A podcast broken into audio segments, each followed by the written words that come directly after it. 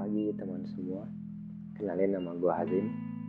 Kali ini dalam podcast Bocah Peradaban.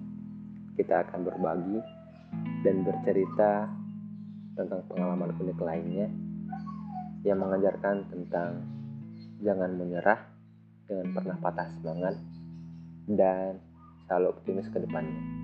Gue harap kalian suka dan menikmatinya dan menjadikannya patokan dalam kehidupan kita semua. Gue Hazim, gue ingin podcast ini bisa berguna buat semua orang.